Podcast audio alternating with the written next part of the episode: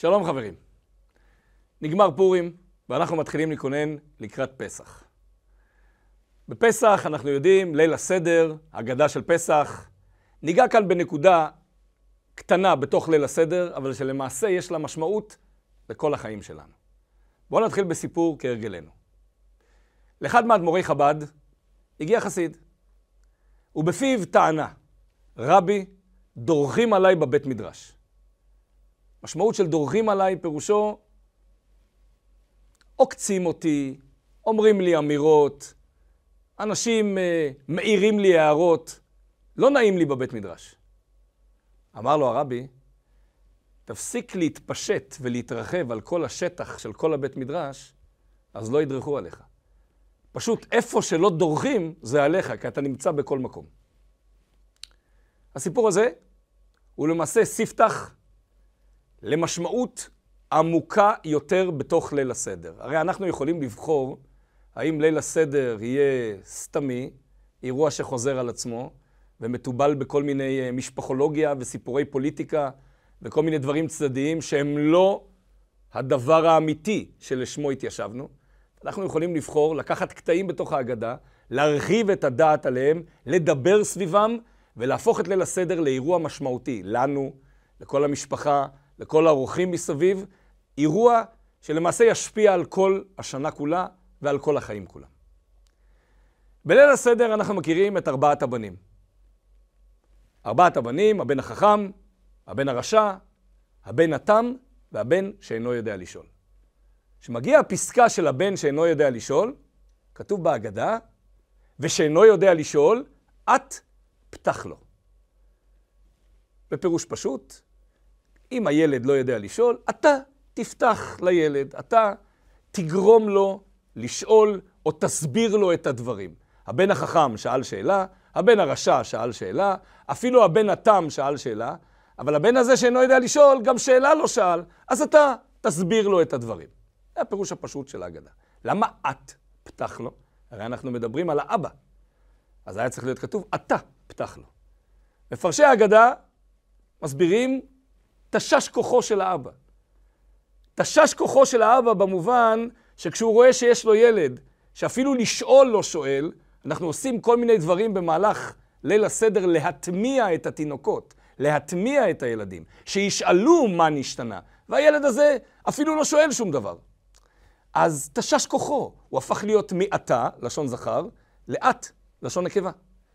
כי נחלשה דעתו של האבא כשהוא רואה שיש ילד בכזה מצב.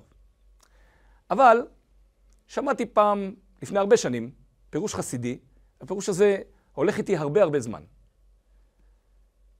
מה ההבדל בין אתה לבין את בכתיבה? אתה, זה, כותבים את זה בצורה של שלוש אותיות, א', ת', ה'. את, כותבים את זה בשתי אותיות, א', ת'. ה', הלכה.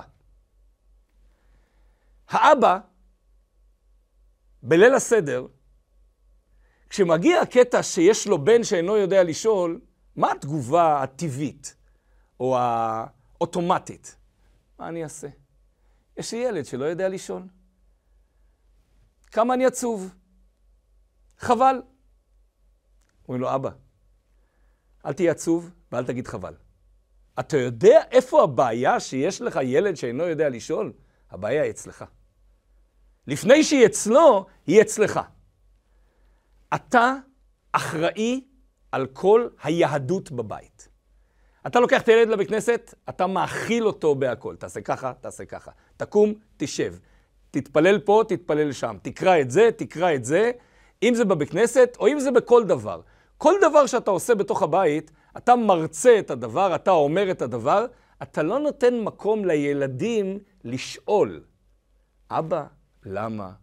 אבא, למה עושים ככה? למה עושים אחרת? מה הרקע של זה? מה הרקע של זה? אז למעשה הילדים בבית קיבלו תשדורת שהיהדות שייכת לאבא.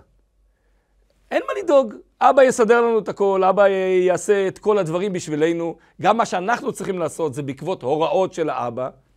הכל זורם בצורה כזאת שהיהדות שייכת לאבא, ואנחנו פסיביים בכל הסיפור. אנחנו לא, אין לנו אמירה, אין לנו עשייה משל עצמנו. יש לנו מין חיקוי או אמירה אחרי האבא. יהדות כזאת, היא לא תופסת. היא לא מחזיקה. אומרים לאבא, יש לך ילד שאינו יודע לשאול? אתה יודע למה הוא לא שואל? כי אתה לא מאפשר לו לשאול, אתה עושה את הכל בשבילו. לך קצת אחורה. תוריד אות אחת מהשם שלך. תהפוך להיות מאתה, שלוש אותיות, לאט, שתי אותיות. וכשתהפוך להיות קצת יותר מצומצם, יהיה קצת יותר מקום. וכשיהיה קצת יותר מקום, הילד ייכנס למקום הזה. כמו אותו חסיד, שאומר, דורכים עליי בבית מדרש. דורכים עליך כי אתה נמצא בכל מקום. תצמצם את עצמך קצת, אז לא ידרכו עליך. לא כל מקום שמישהו ידבר, אתה תדחוף את האף שלך לשם. גם אצל האבא. תן לילד זהות משל עצמו. תגרום לו לשאול, תגרום לו להתעניין, תגרום לו להרגיש שהיהדות היא שלו. חוץ מזה שזה שלך, זה גם שלו. אם זה הוא מתפתח, אז הוא מתעניין ושואל וחושב באופן עצמאי, מגיע לתשובות באופן עצמאי, וככה הוא מפתח יהדות שלו. את, אם אתה תוריד אות אחת מהשם שלך, רק אות אחת, ותהיה קצת פחות מורחב ומופשט על פני כל השטח, קצת יותר מצומצם, פתח לו. זה עצמו הפתח שלו לקבל יהדות מזן שונה, לקבל הבנה אחרת, לקבל תפיסה אחרת של איך הוא מתייחס לתורה, למצוות, לתפילה, לקשר עם הקדוש ברוך הוא. זה קשר שלך, זה קשר שלו, של הילד, זה לא רק קשר של האבא.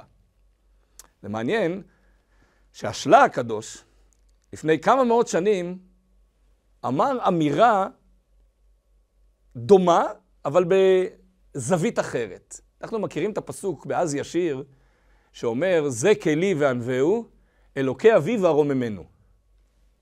פשטות המילים, זה כלי, זה הקדוש ברוך הוא הקל שלי, וענווהו, אני והוא, אני מתאחד איתו. אלוקי אבי וארוממנו, אני ארומם, אני אשבח אותו. השלה הקדוש אמר על זה דבר מעניין. יש שני סוגי יהדות, אני אומר את זה במילים שלנו. שני סוגי יהדות. יש יהדות שקוראים לה אלוקי אבי, ויש יהדות שקוראים לה זה כלי. היהדות של אלוקי אבי, אלוקים הוא אלוקים של אבא שלי. יכול להיות שגם אני נסרח אחרי הדבר הזה, אבל אני נסרח על זה מכוח המסורתיות, מכוח ההמשך אחרי האבא. יהדות שהיא יהדות של אבא, העובדה שאני מגיע לבית כנסת בגלל שאבא שלי הגיע לבית כנסת, בגלל שאבא שלי סחב אותי, כמה זמן זה יחזיק מעמד? כמה זמן זה יחזיק מעמד? אנחנו רואים משפחות שהילדים התחילו בתור שומרי תורה ומצוות, בתוך משפחות דתיות, ועם הזמן עזבו את השמירת תורה ומצוות. למרות שבקטנותם הם הלכו לבית כנסת ושמרו אורח חיים דתי, אבל איכשהו בצבא וכל העשיות אחר כך, זה לאט לאט פרח. כי היהדות לא הייתה שלהם, היא הייתה של אבא. וכל עוד הם הלכו בעקבות האבא, זה החזיק, היה סוג של אנרציה והמשכיות כזאת שמשכה את זה הלאה. אבל יום אחד כבר אין אבא, ויום אחד כבר אה, באים ניסיונות מכאן ומשם, וזה לא דבר שהוא חלק ממך, זה לא דבר שדבוק אליך חזק, אז זה משתחרר, זה מתאדה. בא השלב ואומר, זה נקרא אלוקי אבי, אלוקים של אבא שלי. אלוקים של אבא שלי זה לא מספיק. צריך להיות זה כלי, אולי גם של אבא שלי, אבל זה גם שלי. גם שלי אני מפתח זהות וקשר ועניין עם הקדוש ברוך הוא, אז זה הופך להיות חלק ממני, הופך להיות חלק ממני. אז גם כשיש קשיים, אני לא עוזב את עצמי, אני לא עוזב את הזהות הפרטית שלי, זה לא דבר נוסף. זאת לא גיבנת שאני סוחב על הגב. זה לא איזה מסע כבד שאני סוחב עליי. זה חלק מהזהות שלי. חלק מהזהות שלי, אני לא רוצה לשחרר את זה. זה אני. אלוקי אבי, והרוממנו זה לאט לאט מסתלק, אבל זה כלי וענווהו. אני והוא, ענווהו. זה מחברים את המילה אני והוא ביחד. לא והרוממנו זה מסתלק ומתאדה לאט לאט. אני והוא, אנחנו מאוחדים. נחזור להגדה, נחזור לליל הסדר. אומרים לאבא, אם אתה תוריד אות אחת, ואפילו רק אות אחת, את האות ה', ותהיה את במקום אתה, זה יהיה פתח לילד. ולמעשה זה לא רק בליל הסדר, זה כל השנה כולה. את התורה הזאת, את, ה, את המשפטים האלה וההבנה הזאת, צריך לרכז לכל החיים. צריך להפוך את זה לדבר שמניע אותנו כל הזמן. כל אמירה שלנו לילדים שלנו, היא צריכה להיות בנויה על בסיס ומה אתה חושב, מה אתה אומר. גם אם אתה שאלת את השאלה, אל תענה תשובה מיד. ומה אתה אומר, ילד? מה התשובה? ומה את אומרת, ילדה? שולחן שבת, אנחנו נותנים איזשהו דבר תורה, איזושהי אמירה, איזשהו משהו מהפסוק. אז אנחנו יכולים להתחיל בשאלה, אבל לא להכיל את התשובה.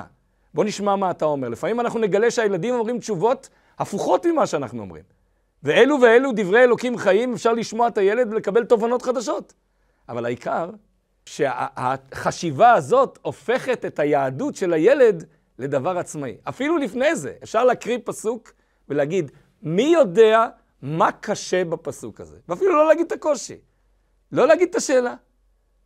ואז הילדים חושבים ומתעמקים, ואומרים, רגע, אבל זה לא מסתדר. כמובן שצריך לראות שהשאלות הן uh, מתאימות לגיל ומתאימות לה, להבנה של הילדים. אבל אם אנחנו חושבים שזה דבר שמתאים, להגיד פסוק ולחכות שהילד ישאל. אם הילד ישאל, התשובה תחקק בו לנצח. אם אני אשאל וגם יענה, ספק אם הילד יזכור את זה חמש דקות אחרי זה. כי זה דבר של אבא, זה דבר שלא קשור אליו. את, פתח לו, אל תדאג. זה שאתה לוקח צעד אחד אחורה, זה לטובת הילד.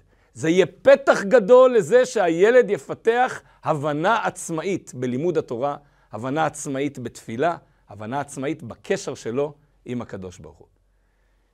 בניסן נגאלו, בניסן עתידין להיגאל, למעשה כל ליל הסדר, כל הגאולה ממצרים, היא משפיעה על כל השנה. וחלק מגאולה זה גם לתת לילד את המקום שלו, את ההבנה שלו, ואת התפיסה שהקשר שלו עם הקדוש ברוך הוא זה קשר עצמאי בינו לבין הקדוש ברוך הוא. השם יזכנו, נזכה בעזרת השם לגאולה האמיתית והשלמה במהרה בימינו, אמן.